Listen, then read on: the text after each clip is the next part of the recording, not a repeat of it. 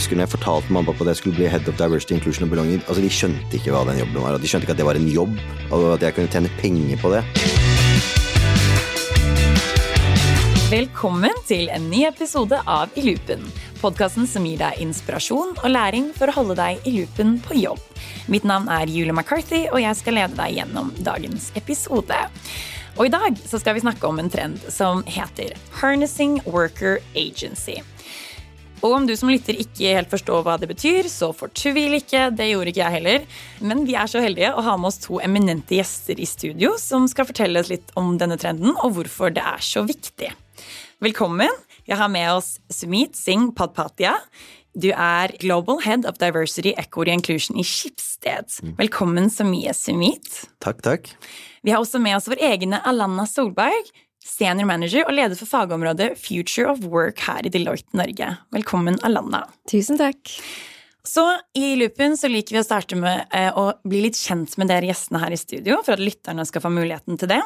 Så da tenkte jeg først å stille deg Sumit et spørsmål. Og du har jo hatt en veldig spennende reise, og vi kunne jo sikkert hatt en hel podkast bare om å snakke om den. Men kanskje du kunne kort fortalt litt om reisen din, og hvorfor du jobber med det du jobber med i dag? Ja, eh, så jeg, jeg, er jo siviløkonom, så jeg startet eh, karrieren min i Excel-ark. Eh, men jeg har alltid tenkt jeg har, likt, jeg har alltid vært annerledes. Jeg har jo turban og skjegg og vokst opp på Oslo vest. Så har på en måte alltid vært litt, litt skilt meg ut da, fra mengden. så det likte jeg den gangen òg. Så før jeg fullførte studiet helt, så tok jeg et år på kunst og design også. Så, så jeg gikk ikke rett inn i Excel-verden. Uh, og så hadde jeg en del år i Telenor. Åtte år i Telenor, tre år i Ramble Group. jeg har jobbet mye med innovasjon og transformasjon og digitalisering. min store hobby og lidenskap har jo vært mangfold og inkludering i samfunnet. Men jeg trodde jeg aldri kunne liksom tjene penger på det, eller jobba med det. Så jeg har alltid liksom vært sjalu og misunnelig på de menneskene som eh, altså kunstnere og musikere og De kan liksom leve av hobbyen sin, men jeg trodde ikke det var for alle. Eh, til jeg en dag skjønte at eh, ja, min kompetanse med innovasjon, transformasjon, kan kombineres med min lidenskap for mangfold og inkludering. Så når jeg så den eh, kombinasjonen, eh, så jaktet jeg på det selskapet som jeg trodde var best å jobbe med det i, og det var da Skipsted. Så for ett og et halvt år siden så gikk jeg inn i Skipsted da, eh, med, med dette mandatet rett og slett. For denne stillingen som Global Head of Diversity og Equity Inclusion, var det første en stilling som fantes allerede, eller? Nei, så jeg var første inn, da, mm. i Skipsted. Eh, fordi man, man, jobbet jo veldig mange år med dette med kjønnsmangfold. Mm. Og, men så utvidet man den definisjonen. Man så at her er det liksom en jobb å gjøre, og vi må se på det mye bredere. Vi må mm. koble inn mangfoldskompetanse. Og da når man gjorde det, så hadde man diskusjoner i konsernledelsen, og man foreslo egentlig at man skulle ha en sånn prosjektstilling rundt det, men da var det jo konsernledelsen som ønsket at nei, dette må vi jo faktisk etablere som et eget område, og vi må ha noe som leder det. Eh, så det var satt en retning fra toppen, eh, rett og slett. Spennende, og ikke minst inspirerende, for jeg mm. kjenner meg godt igjen. Man vil jo skulle gjerne kunne jobbe med lidenskapen sin. Jeg kan se på meg at lytteren også kjenner seg veldig godt igjen i det, og det å høre at noen har gått en reise, da. Veien går litt eh, til ettersom den går. Ja, eh, ikke sant. Ja, man blir jo litt sånn Man tenker jo eh, var det dumt, da? Har jeg kasta bort de tolv årene i karrieren min? Men jeg, jeg, tror absolutt ikke det, da. Jeg, jeg, er veldig glad for at jeg dyrket på en måte mine hobbyer, da. Mm. På sidelinjen og frivilligheten. Da. Jeg var veldig mye frivillig, og på en måte de, og de vervene jeg tok eh, som dyrket med denne hobbyen. Eh, men jeg tror kanskje, da, det som differensierer meg i denne jobben fra kanskje mange andre, er at jeg nettopp har jobbet mye med business. Eh, så forståelsen på business er fundamentet, eh, og så kan jeg bygge det opp med liksom denne mangfoldsdimensjonen på toppen. Og jeg tror det er viktig. Jeg tror det er det som eh, skal ta oss videre. Helt enig. Mm. Og igjen, tusen takk for at du er her. Det gleder meg veldig. Og samme spørsmål kommer da til deg, Alana. Hva er det på en måte som driver deg, og hvorfor jobber du med det du jobber med? Ja, jeg er en veldig nysgjerrig person, og svært opptatt av mennesker. Hva motiverer oss, hvorfor vi tar de valgene vi tar, relasjoner mellom mennesker. Og så er det jo slik at fremtidens arbeidsliv kommer til å bli mer og mer menneskesentrert, og derfor er organisasjonsutvikling veldig viktig. Og det er nok dette aspektet med Future Work som jeg er veldig interessert i. Ja, future work, hva er det? Det er et veldig stort begrep, men her i Deloitte så definerer vi det liksom hvordan vi skal jobbe i fremtiden, hvor vi skal jobbe i fremtiden, og hva vi skal jobbe med. Så det handler om interaksjon mellom mennesker, mellom teknologi, og ikke minst arbeidsplassen.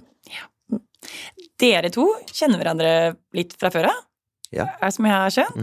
Det Ja, hvordan, eh, hvordan ble dere kjent? Ja, um, jeg kan kanskje svare på det, Sumit. Jeg ble kjent med Sumit i begynnelsen av 2022. Jeg hadde nettopp sagt opp min jobb, eh, og hadde tid til å virkelig reflektere over mine verdier, og hvilken vei jeg ønsket at karrieren min skulle gå. Eh, og jeg har alltid vært opptatt av mangfold og inkludering, ehm, og ble tipset om å ta kontakt med Sumit. Og det gjorde jeg. Jeg bare kontaktet han på LinkedIn og spurte om vi kunne ta en prat. Eh, og heldigvis så var Sumit åpen for det. Eh, delte sin historie med meg, og det var kjempeinspirerende.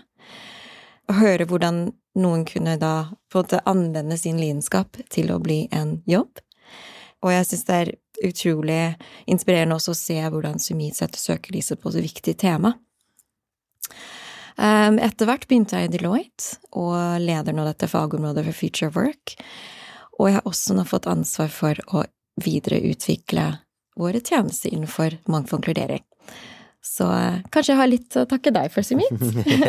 Ja, og jeg, jeg husker den samtalen også veldig godt, fordi jeg, jeg eh, Altså, i min forrige jobb jobbet jeg med innovasjon og digitalisering, og hovedsakelig innovasjon, da, eh, og produktutvikling, eh, og eh, og da var det sånn, ok, hvordan skulle jeg komme meg inn på liksom diversity inclusion i den altså, forrige arbeidsstedet? Så det, jeg husker at jeg også pleide å kaste meg over alt som hadde med diversity inclusion å gjøre i Ramble, da, selv om vi var nye i reisen der, bare for å forstå hva vi gjorde, liksom eh, alt som hadde med det eh, på en måte, da tilbydde jeg mine tjenester, da, for å nettopp lære. Um, så jeg bygde jo på en måte den forståelsen og kompetansen egentlig litt sånn eh, også eh, ved å ta med litt sånn hobbyen litt på jobb, da. Men jeg tror på en måte det var Fordi jeg opplevde at du var liksom samme sted, ikke sant. Du jobbet jo ikke direkte med diversity inclusion, men du hadde en passion og drømte om å liksom jobbe med det. eh, og så, så jeg tror det var det ene tipset jeg husker jeg i hvert fall ga, ga deg, som jeg hadde erfart, da.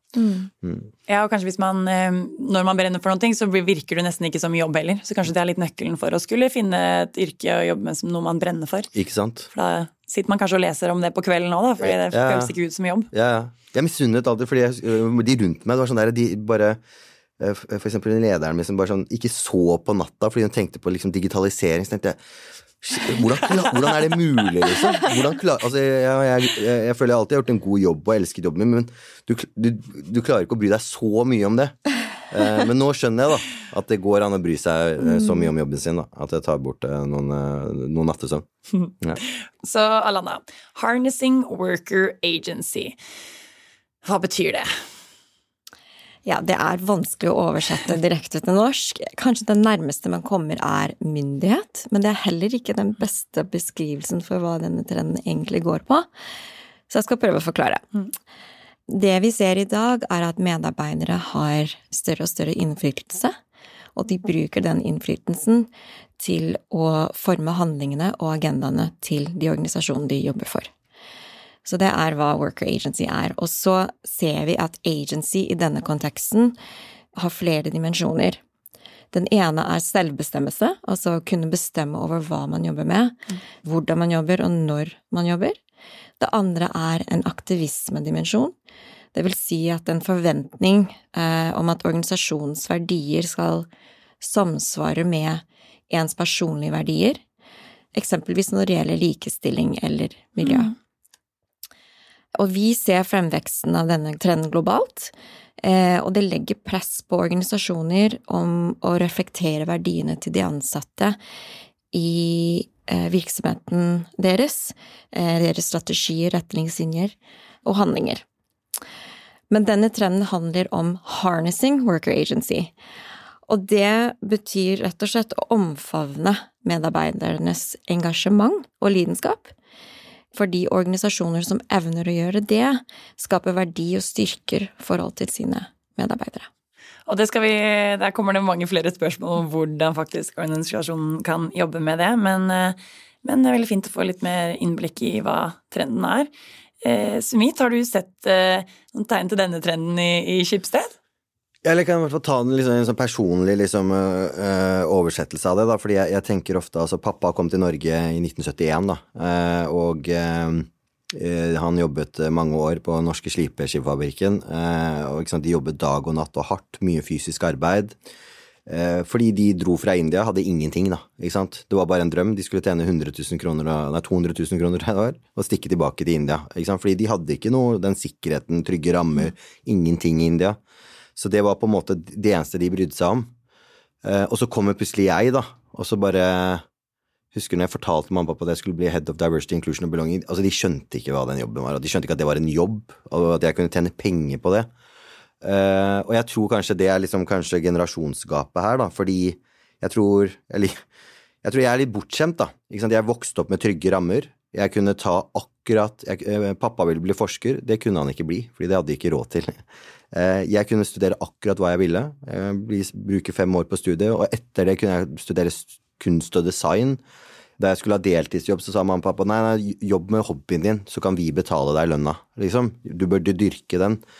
Eh, og så har jeg liksom, kall det vakla i liksom tolv år, da, i forskjellige jobber. Eh, samtidig som jeg kunne dyrke hobbyen min.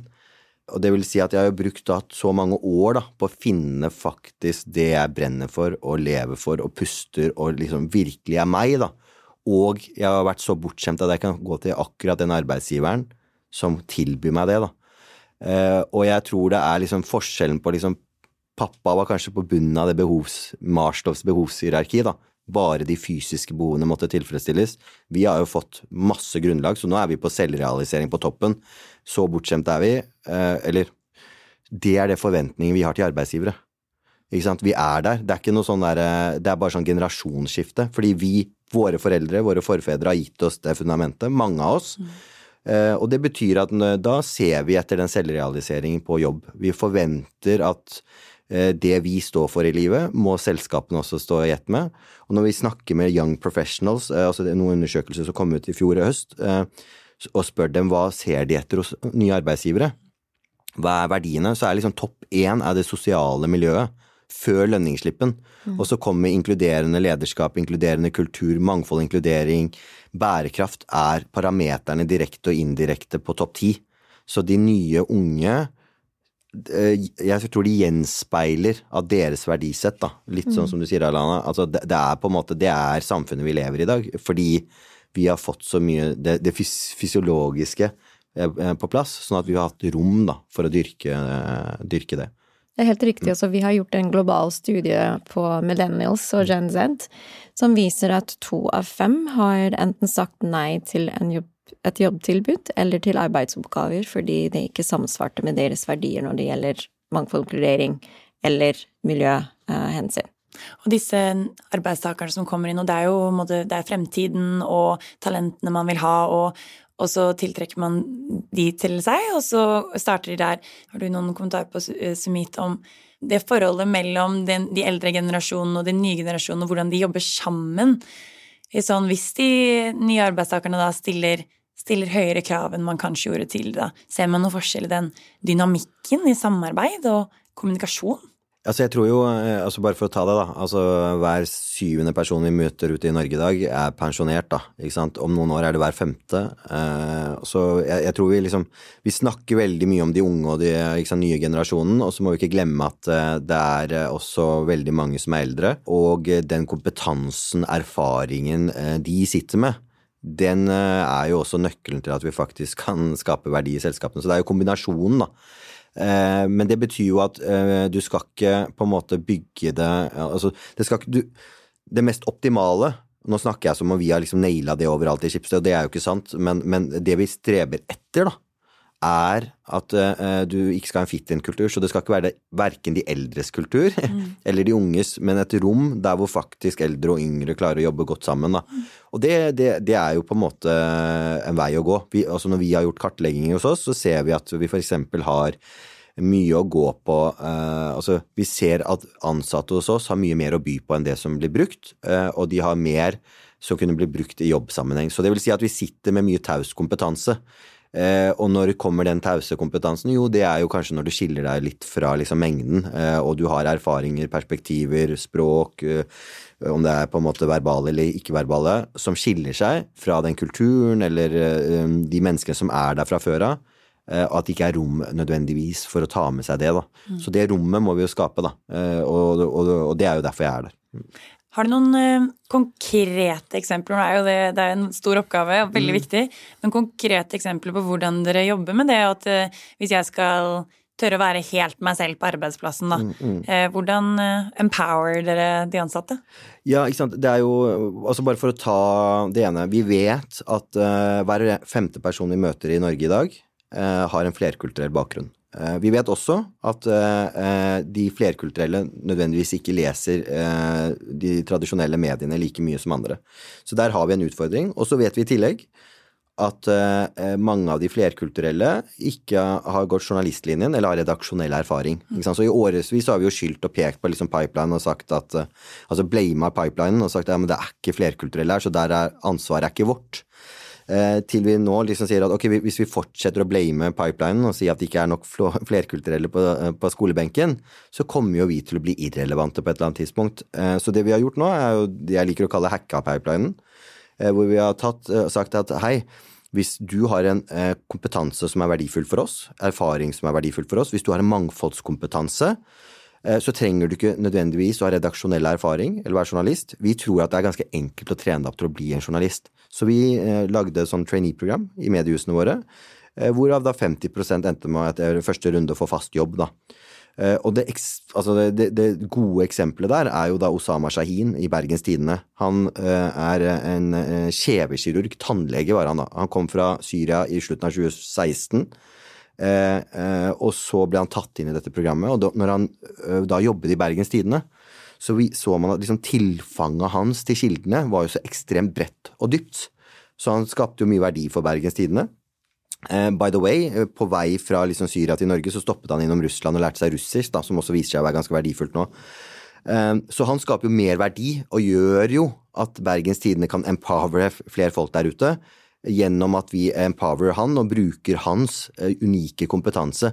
Men det hadde vi aldri kunnet gjøre hvis vi gikk den tradisjonelle rekrutteringslinja. da.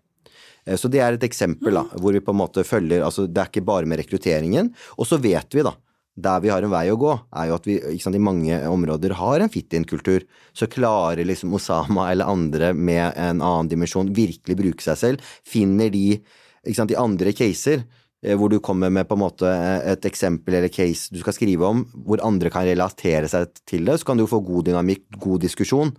Eh, kanskje det vi ser, da, ikke bare hos Schibsted, men andre mediehus også, er jo at eh, man ser en sånn profesjonell sånn ensomhet. Fordi du å Du finner ikke noen å sparre og utvikle saker til å bli enda bedre, fordi de andre forstår egentlig ikke hva du snakker om. Mm. Men hvordan, da? Hvordan gjør selskaper det? Og Alana, kanskje du har litt, eh, litt svar på det. Sånn, hvordan kan organisasjoner effektivt prøve å identifisere og utnytte litt av den lidenskapen og passion som ligger hos sine ansatte eller fremtidige ansatte? Jeg tror det er viktig å starte med en anerkjennelse om at dette ikke er en forbigående trend. At det er kommet for å bli. Og så hva kan man gjøre? Det er kanskje tre ting som er viktig. Det første er å, å forstå at det, hva som er viktig for folk, er ikke statisk. Det kan endre seg.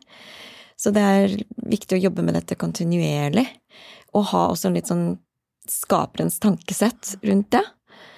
Det andre er og husk på at det er verken praktisk eller effektiv å integrere worker agency i alle fasetter av virksomheten. Så man må kanskje um, velge å involvere medarbeidere i de prosessene og foraene hvor de gir mening. Og det tredje er at dette krever en forpliktelse, både fra medarbeidere, men spesielt fra arbeidsgiverens side. Eh, for hvis man skaper en forventning hos sine arbeidsgivere, og så klarer de ikke å ta hensyn til deres de ansattes perspektiver i praksis, så kan det svekke tilliten. Det er ikke statisk, det endrer seg hele tiden. Mening er litt ferskvare, og så må man fortsette å, å jobbe med det. Uh, og at uh, ikke kanskje implementere overalt, men der det faktisk gir mening, da. Mm. og så til slutt litt forventningsavklaring.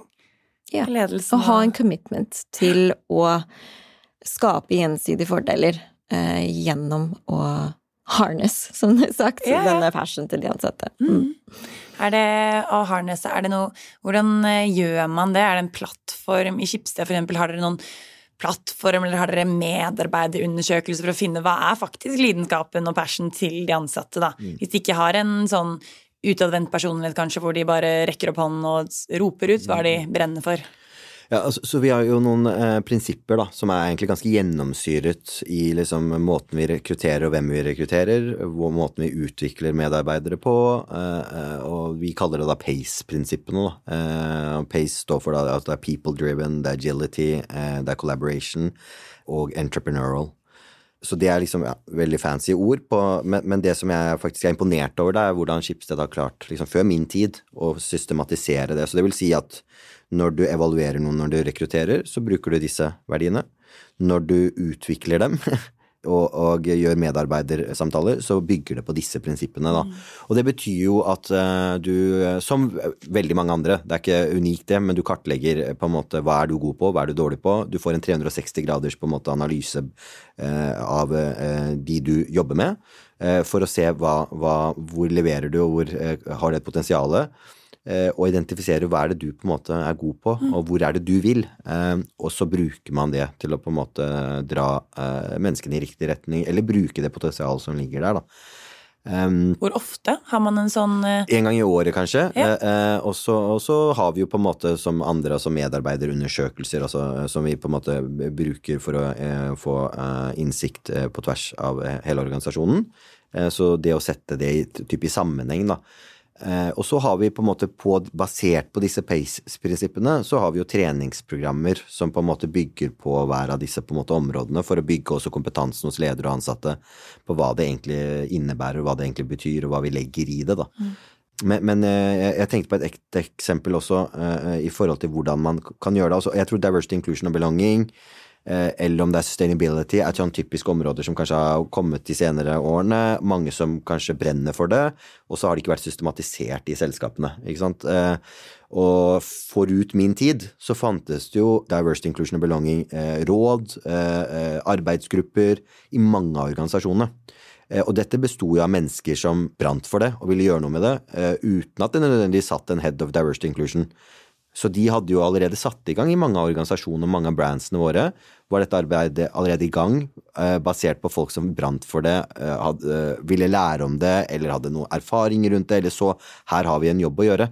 Så mye av det som har skjedd der, har jo på en måte, kall det vært på hobbybasis, men også fordi man har fått rom Man har fått allokert noen timer da, eh, hvor man faktisk kan bruke tiden sin eh, til å dyrke dette og utvikle dette. Så når jeg kom inn i Skipsted, så var, det jo ikke på scratch. Det var jo mye som allerede var gjort, eh, basert på nettopp dette. Og, og eh, en- en annen ting som jeg tenker eh, var bra, altså eh, fødselen til Diversity, Inclusion and Belonging som et område hos oss, var jo basert på Vi hadde under sustainability-området noe vi kalte changemaker projects. Så det vil si at uh, mennesker rundt i Schibsted-systemet kunne rekke opp hånda og si hei, du, jeg brenner for uh, liksom det området, og da fikk man allokert uh, i løpet av et år x antall timer til å faktisk jobbe med det prosjektet. Så det prosjektet som hadde ansvar for diversity inclusion, det var de som la fram på en måte hvor er vi i dag i Schibsted, hvordan burde vi gå fremover for konsernledelsen. Og det er der på en måte denne samtalen ble til, og der dette ble da eh, født. da. Selskaper som Schibsted er jo veldig gode eksempler på at vi har kommet ganske langt med den trenden i Norge allerede. Eh, Og det er jo kjempefint. Ja, så er det sånn at du ser, en, ser at selskaper jobber aktivt med dette, og at det er eh, Er det noen som henger bak, eller er det er Schibsted på en måte helt på toppen av dette, eller er det en eh, Nei, altså Som sagt så har vi kommet ganske langt med dette i Norge allerede. Men Deloitte um, publiserte en global studie i år, Global Human Capital Trends, hvor vi undersøkte nettopp denne trenden. Og da så vi at um, 84% av bedriftslederne som vi uh, undersøkte, mente at denne trenden med harnessing worker agency var veldig viktig for organisasjonssuksess. Samtidig så var det kun 17% av de vi spurte, som mente at de var klare til å ta tak i dette. Så globalt så ser vi kanskje at selskapet har en vei å gå. Mm. Men som sagt så, så, er det veldig mange gode eksempler på selskaper som gjør det veldig bra. Som Sumit sier, så er det selskaper som tillater de ansatte å jobbe med frivillig arbeid innenfor eh, deres lidenskap eh, i arbeidstiden. Det er jo eh, et godt eksempel på hvordan man kan også etterleve verdiene til selskapet ut i samfunnet. Og det er også eksempler av selskaper som, som har interne prosjekter eller mikrobedrifter internt i organisasjonen som tillater de ansatte om å jobbe med noe kanskje helt annet enn det de pleier å jobbe med til daglig, eh, og få utløp for en interesse der også. Mm. Så altså 17% det høres jo veldig lite ut, men det er kanskje da også fordi det er globalt, og at uh, sammenlignet med Norge så så har man litt mer av den støtten rundt til å klare faktisk å jobbe med det, da. Ja. ja. Jeg tror at vi har også en kanskje en lang kultur for medvirkning i Norge. Og norske arbeidsgivere har jo en plikt til å sørge for medvirkning av arbeidstakere eh, gjennom arbeidsmiljøloven. Eh, så dette gjelder ikke bare direkte, altså individuell medvirkningsrett, men det går også på det å kunne påvirke egen arbeidssituasjon, men også indirekte, altså den kollektive medvirkningsrett ved representasjon. Så, så, vi har en veldig lang kultur for det i Norge, men nå ser vi at det på en måte har begynt å utvikle seg enda mer. Og da snakker vi om hvordan organisasjoner jobber med det å tilrettelegge og finne den lidenskapen. Men hvis det er en lytter nå som jobber i et selskap hvor det ikke settes fokus på eh, av forskjellige årsaker, og har lyst, har en passion, lidenskap, trives med sine kollegaer, men har lyst til å kunne jobbe med denne. Hva kan denne arbeidstakeren da gjøre? Eh, har du noen forslag til hvem skal man snakke med? Er det noe Ja, har dere noen forslag? Det blir jo litt sånn synsing, da, liksom, og litt sånn perso personlig erfaring. Men, men, det er jo viktig å ha en god dialog med lederen din. ikke sant? Mm. Og det er der på en måte rommet skapes, og, og der skal det være mulig å på en måte det avhenger av at lederen faktisk tar den tiden da, eh, og skaper det rommet, men det er jo der det skjer, tenker jeg da. Eh, og så er det jo litt sånn gode, inkluderende ledere klarer jo å se det selv. Jeg, jeg, jeg har, føler jeg har vært så heldig å ha hatt det, så mye av tingene jeg har jobbet med altså Etter at jeg forlot Excel-arkene, var det jo takket være leder egentlig som så at her, du er mye bedre på det her, det burde du Altså kastet meg egentlig i en retning som jeg ikke trodde jeg kunne jobbe i, ikke sant. Det er nysgjerrige, våkne ledere, da. Eh, som tar seg tid til å faktisk eh, bli kjent med deg og forstå deg. Mm. så hvis du ikke har det, så tenker jeg at da burde du finne en annen jobb. Mm. mm. Du jobber jo med passion din, og det er jo målet til så mange. Og så hadde jeg en kollega som jobber med passionen sin nå og har fått muligheten til det, men så sa hun sånn Jeg er litt redd for hva om jeg mister den passionen fordi det nå er jobb. Mm. Har du noen refleksjoner rundt det? Det er to ting, da. Jeg, jeg, altså så langt, da. Eh, så tenker jeg at for, for, min del så føler jeg jo bare den passionen blir større, fordi du ser på en måte verdien av det. Og det, det, ene er jo på en måte å ha passion på en måte på hobbyrommet og se og dyrke det, men når du ser liksom Altså tenk deg effekten da, for samfunnet og på businessen vår hvis mediehusene nailer dette. Altså, altså, altså, du kan ikke få en større gave liksom enn det. Så jeg føler jo den passion bare blir større og tydeligere, og det er ingen liksom arbeidsgiver som kan komme til meg og si at liksom eh, kan konkurrere med det. Ikke sant? Jeg bare elsker det og ser dette som en virkelig rolle i livet, da. Det er det ene. Men det andre er jo at eh, nå har ikke jeg navn på disse rapportene eller undersøkelsene, men jeg vet at ofte da, folk som jobber med bærekraft, folk som jobber med mangfold og inkludering, som er deres passion, da, eh, har en tendens til å bli utbrente, da. Mm. Fordi man blir så liksom blendet og så opptatt av å se det som man brenner for og det som er riktig, og så møter man så mange vegger, da. Man skal virkelig slåss for det, fordi det er jo umodne områder også. Eh, og kanskje i noen sammenhenger så blir det nice to have. Eh, så det er mange som blir utslitte og utbrente, og kanskje mer enn andre, da. Så det å balansere det, da, og det kjenner jeg jo på, da, ikke sant, at det, det, det blir vanskelig å legge fra seg det da, når du kommer hjem. Så kona får høre det nok, liksom, eh, når jeg er frustrert, da. Så det er jo kanskje ulempen, da, ved å på en måte jobbe med passionen sin. Men veldig viktig at du tar opp, da, fordi man blir jo så oppslukt kanskje i passionen sin, og at man ikke innser det før det er for sent heller. Så mm. bare det å være litt bevisst på å skulle skape den balansen også. Ja, ja, ja, det er bra å være bevisst, men det hjelper jo ikke når du ikke klarer å sove noen ganger, da. Ikke sant. Men, men, men, men når du kommer opp, da, fra, fra søla, da, da er du sterkere enn ever, da. Mm. Da må man virkelig ta vare på de uh, gode historiene og resultatene og suksesshistoriene underveis. Ja, ikke sant. Og kanskje lære seg Nå snakker jeg nesten til meg selv, da, som terapeut, men uh, kanskje sette grensen litt, da. At du må Ja. på en måte at det, det, Du kan ikke naile alt, da, men det er viktig å kanskje sette den grensen, fordi hvis ikke så er det ikke noen grenser. Det er nok viktig i alle jobbsammenhenger. Ikke sant. Mm. Hvis man går ut og sier at vi jobber, vi jobber med mangfold og inkludering, er det, liksom, er det noen prioriteringer som må skje? Ja, altså jeg tror For det første så er det jo viktig å skille mellom produkt og organisasjon. Ikke sant? Jeg tror man typisk tenker på diversity, inclusion and belonging, så er det på en måte en organisasjonsbit, og det handler om å utvikle organisasjonskulturen og på en måte eh, ledere. Eh, og det er fint, og det er bra, og det er viktig. Eh, og så er det jo også det å knytte det mot verdiskapningen, oppgaveløsningen til selskapet, da, som jeg tror på en måte du, du Det er viktig å se begge de to tingene, fordi ofte så blir Eller dette området har en tendens til å bli på en måte en telleområde. Det kan handle mye om representasjon, og det er fint det, det er ikke feil det, men jeg tror det bare er starten på reisen. Hvis dette skal være bærekraftig, så må du jo faktisk knytte det på hvordan skaper vi verdi i dette selskapet. Og det, når vi snakket om på en måte dette med det flerkulturelle i mediehusene, så er det et eksempel på det. Vi vet at 28% av nordmenn er news avoiders, så de leser ikke redaksjonelle nyheter. Det er jo på en måte eh, det er eh, en demokratisk utfordring, men det er også et potensial for oss å løfte oss og treffe disse bedre. Det betyr at vi må starte med å forstå disse bedre. Så du må ha god innsikt, god tall i brukerne du har, og brukerne du ikke har. da. Fokuser på det. Fokuser på hva, hva legger vi i mangfold og inkludering. For oss har jo på en måte vi sett på en måte både eh, primær- og sekundærlag av mangfold. Både det som er typisk veldig synlig, eller det du er født med, og sekundærlaget som du kanskje har tilegnet deg gjennom på en måte erfaringer og eh, eh, nettverk eller utdanning osv. Og du må se det i sammenheng, og, og, og grunnen til at du må se det i sammenheng, tror jeg da, er jo at hvis du kartlegger tror jeg, veldig mange av norske selskaper i dag, eller i hvert fall de som øh, opererer i Oslo, bare se på hvor øh, de ansatte bor. Ikke sant? Eh, Det er jo typisk veldig tungt i sentrum og vestover, og så er det tynt på Oslo øst, da. Og hvis du på en måte tenker at 33% av befolkningen i Oslo i dag har en flerkulturell bakgrunn, hvis du ser et potensial i det, hvis du tenker at her treff, hvordan treffer vi her, treffer vi, trenger vi mer innsikt, trenger vi å forstå disse kundene, tror vi det er verdi å treffe disse kundene bedre, så ville jeg jo startet med akkurat det der, da. Mm. Og det handler ikke om å rekruttere en person som har turban og skjegg eller er brun sånn som meg. Eh, fordi jeg er ikke vokst opp på Oslo øst heller. Eh, så det, da må du se på begge lagene for å faktisk eh, skape verdi ut av det.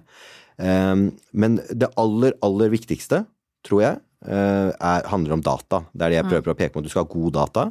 Eh, så det vi har brukt lang tid på siden jeg begynte, har vært å eh, utvikle en eh, diversity index eh, for å virkelig forstå mangfoldet vi har, og se hvordan eh, bruker vi dette mangfoldet til å skape verdi.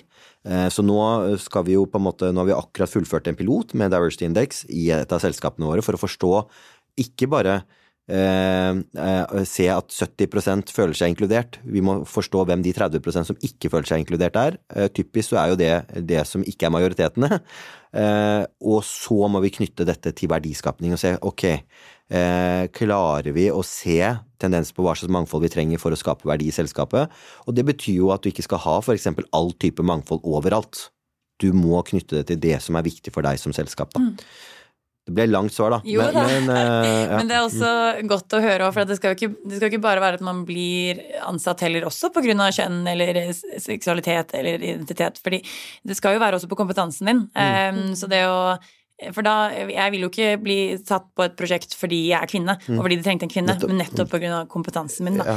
Så det at man uh, Ja, og, og der så tror jeg det er viktig å også anerkjenne at mangfoldskompetanse er en kompetanse. På lik linje som på en måte IT-kompetanse eller uh, digitalisering og transformasjon uh, er en kompetanse. Mangfoldskompetanse er også det. Og det er ikke mangfoldsbakgrunn eller mangfoldsopplevelser. Jeg som en minoritet med turban og skjegg på Oslo vest har fått mye mangfoldsopplevelser. Det gir meg ikke dermed mangfoldskompetanse. Kompetansen eh, får du jo først når du klarer å være observatør og aktør i ulike settinger og klarer å bruke mangfoldet ditt i selskapet. Og det er ikke begrenset av på en måte hvordan du ser ut eller kjønnet ditt. Eh, Det er eh, noe helt annet. Det er viktig at ledere har denne mangfoldskompetansen. Da. Hvordan utvikler man ledere til å få, få denne kompetansen? Eller hvordan deg selv som leder, hvordan, hvordan skaffer du deg denne kompetansen? Har dere noen Altså, først må jeg bare si at jeg blir veldig glad for det du svarte nå nettopp, fordi det er akkurat det vi anbefaler at selskaper skal gjøre. At mangfoldsarbeid skal være tett knyttet opp til selskapets strategi. Og at uh, man må ha en god forståelse for hvordan det skaper forretningsverdi. Men også kunne måle med data eh, framgang og resultater, fordi det har vært altfor aktivitetsfokusert. Det som er viktig, er hvordan man skaper reell innvirkning med mangfoldsarbeidet. Så det er én ting. Men uh, hvordan man utvikler lederkompetanse, det har du kanskje et bedre svar på enn meg, Sumit. Mm. Men uh, jeg tror at det begynner med å tørre å ha de vanskelige samtalene. Og tørre å kanskje komme litt ut av komfortsonen og utfordre og jobbe en del med uh, manns unconscious bias. Mm. og at det er et viktig punkt å starte med. Mm. Mm. Vi hadde en episode om nettopp om unconscious bias eh, for en stund siden, hvor jeg lærte så mye som jeg ikke aner Jeg er jo sånn Nei, jeg er jo ikke bias. Jeg er veldig åpen og inkluderende og sånn, men bare det der man nettopp ikke er klar over det engang. At de, at de fordommene man kanskje har, og at man ofte kanskje søker noen som er lik seg selv, da, mm, mm. sånn rent av natur. Eh, og jeg tror bare det der bevisstheten rundt det, snakke om det, educate yourself òg, da, eh, er veldig viktig. Jeg er helt enig, da. Det handler om på en måte å dyrke nysgjerrigheten, da. Og det å være nysgjerrig betyr at du, det, det, handler ikke om å være tolerant, det handler om å være åpen. Eh, det handler om å stille masse spørsmål. Eh, det handler om at du klarer å legge bort ditt verdenssyn når du stiller spørsmål til andre. Det betyr at eh, du ikke har et negativt fortegn i spørsmålet ditt. Ikke sant? Eh, da er du nysgjerrig, mm. Eh, og i den nysgjerrigheten så kan du lære mye, tror jeg, da. Eh, men du må ut av komfortsonen. Og så tror jeg mange sier ja, men åh, kan man stille alle typer spørsmål? Jeg tror du kan stille alle typer spørsmål til alle rundt deg, men du må jo starte på et riktig sted. Du må investere i nysgjerrigheten, mm. og ikke bare starte med det mest sensitive som finnes investere i den nysgjerrigheten, så tror jeg du kan komme til eh, å, å lære veldig veldig mye. da. Så det er jo litt sånn på en måte på personlig plan. Eh, hvis jeg skulle tatt et eksempel da, på mangfoldskompetanse, på nysgjerrighet, som jeg har opplevd i livet eh, jeg, jeg, var jo i Forsvaret, altså før jeg begynte å studere, studere så var jeg i førstegangstjeneste og var vakt på Kolsås leir. Og jeg var da plassert i vakta, og to uker inn i, i Forsvaret, på Kolsås leir, ble jeg kalt inn til troppssjefen min. Um, og uh, du møtte ikke han med mindre du hadde gjort noe feil. Altså, jeg var ganske nervøs når jeg ble kalt inn til han i andre etasje uh, på, uh, på Kolsås leir. og så må jeg bare si at jeg, jeg som jeg har nevnt flere ganger, da, jeg er sikh, jeg bærer turban. Og jeg har vært veldig stolt av denne identiteten som sikh, denne turbanen, og det å, på en måte hva den står for. Men jeg har ikke alltid turt å gå med den. I, de, altså, I mine første år så gikk jeg alltid med sånn tørkle eller bandana på hodet. Fordi det var liksom ikke kult etter 9-11, hvor alle avisoverskrifter sa terrorist, og så var det bilde av med skjegg og turban og komme inn med turban på ungdomsskolen. Så jeg gikk med dette tørkleet. Og det gjorde jeg også da jeg gikk inn i Forsvaret. Eh, så tok jeg inn kom jeg opp til troppssjefen. Jeg husker jeg møtte en svær kar, to meter høy og mørk stemme. Jeg banka på døra hans, og han sa 'Sing, sett deg ned'. Eh, og så satte jeg meg ned, litt sånn skjelven, litt svett, eh, og så pekte han på hodet mitt, på dette tørkleet, og så sier han du, eh, Sing, du ser ut som en banditt med den på hodet. Så tenkte jeg jøss, dette blir en interessant samtale. Og så fortsatte han sånn, du, jeg har lest om dere sikher, jeg. Vet at dere sikher, eh, dere har jo sånne store, flotte turbaner. Stemmer ikke det? Så jeg jo, det stemmer. Og han fortsatte og sa det første folk møter når de kommer på Kolsås leir, er dere i vakta. Så det er viktig at dere ser bra ut, at dere ser representable ut. Så jeg vil at du skal gå med en ordentlig stor, flott turban når du er på jobb. Er det ok? Jeg sa ok. Og eh, dagen etter, hver morgen når alle hadde skopussjekk og barberingssjekk, så hadde jeg turbansjekk. Og hvis jeg ikke kom med denne ferske, nye syvmeteren på huet, så ble jeg sendt opp til kaserna, da. Og det er eksempelet da, på mangfoldskompetanse. En etnisk hvit norsk nordmann, sikkert over 50 år, da, for å putte han i den stereotypien, hadde gått utover sin normal gjennom sin nysgjerrighet ervervet seg kunnskap, og den kunnskapen brukte han til å se meg, og han så meg utover det øyet kunne se, da. Eh, det vil vi at alle ledere skal kunne gjøre, da. Det er mangfoldskompetanse, da. Og da må du ut i, som du sier da, Alana, eh, ut av komfortsonen. Du må stille de vanskelige spørsmålene, du skal lære om noe som ikke er din normal, eh, og så tror jeg det er mye kraft i det, da. Mm. Så, så fin historie. Ja. Fantastisk. Og når, hvor mange år siden er det? Ja, nå er det jo Jeg, jeg, jeg liker å si liksom fem-seks år, da, men det er jo faktisk 15 år siden nå, sikkert. Ikke sant. Eller, ja. mm, Ikke sant. Er det noe dere har forsøkt i Skipsted som ikke har fungert? Eller er det bare gull og grønnskoger? Ja, definitivt. Jeg føler jo altså det er masse initiativer jeg også ser, så tenker jeg bare men er dette optimalt? Men jeg tenker liksom Det jeg liker i Schibsted, er det liksom rommet for å eksperimentere. Så når folk har ideer og lager et treningsprogram som kanskje jeg ikke ville gjort på den måten, og la det skje, da. Det, har, eh, det er å ta meg ut av komfortsonen, da. Men det tror jeg liksom Det betyr jo at du feiler også mye, du, men du lærer jo av det, da. Mm. Eh, og det må jo være eh, det som er viktig her. Eh, så det, det tenker jeg er én eh, ting. Og det andre er jo at mangfold, inkludering og tilhørighet er så ferskt. Det er ingen som har naila det. Og det du, du, klarer ikke å se rundt og se på det. De har virkelig gjort det på den riktige måten, og sånn vi tenker om dette. Eh, det betyr jo at du skal feile mye, eh, og diskusjonene blir på en måte går i alle retninger. Og fordi man eh, har ikke helt kål på 100 da, hvordan man skal naile det ennå. Mm. Så ja, jeg tror vi feiler mye, men vi lærer av det. Dette har vært en utrolig inspirerende og hyggelig samtale. Helt sånn til slutt, hva syns dere lytteren skal sitte igjen med i dag? Hvis det er på en måte et par, par punkter som, som, man kan ta med seg. Enten om det er fra et organisasjonsperspektiv, eller lytter som en, som en ansatt selv. Kanskje Alana, har du noen mm. siste ord?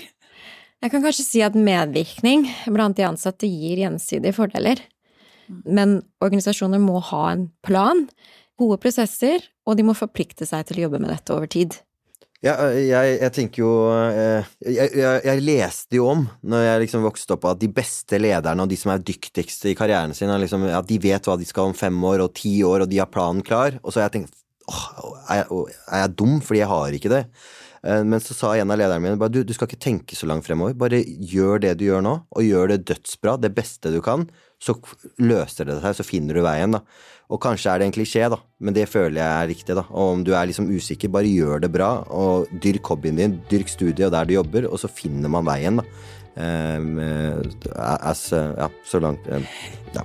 Det er flotte ord å avslutte med. Jeg merker jeg har ti kilo av skuldrene mine, som også har vært litt sånn Å, jeg må ha en litt mer klar plan på hva jeg vil. Så det setter i hvert fall jeg veldig stor pris på. Og tusen hjertelig takk for at dere kom hit i dag, Alana og Sumit. Takk. Takk for meg. Og så tusen takk til deg som lytter, for at du har lyttet til episoden. Og hvis du syns den var like spennende som meg, så del den gjerne med noen du kjenner, eller eh, via noen sosiale plattform. Eh, og ta gjerne kontakt om det er den andre tematikk du har lyst til at vi skal ta opp.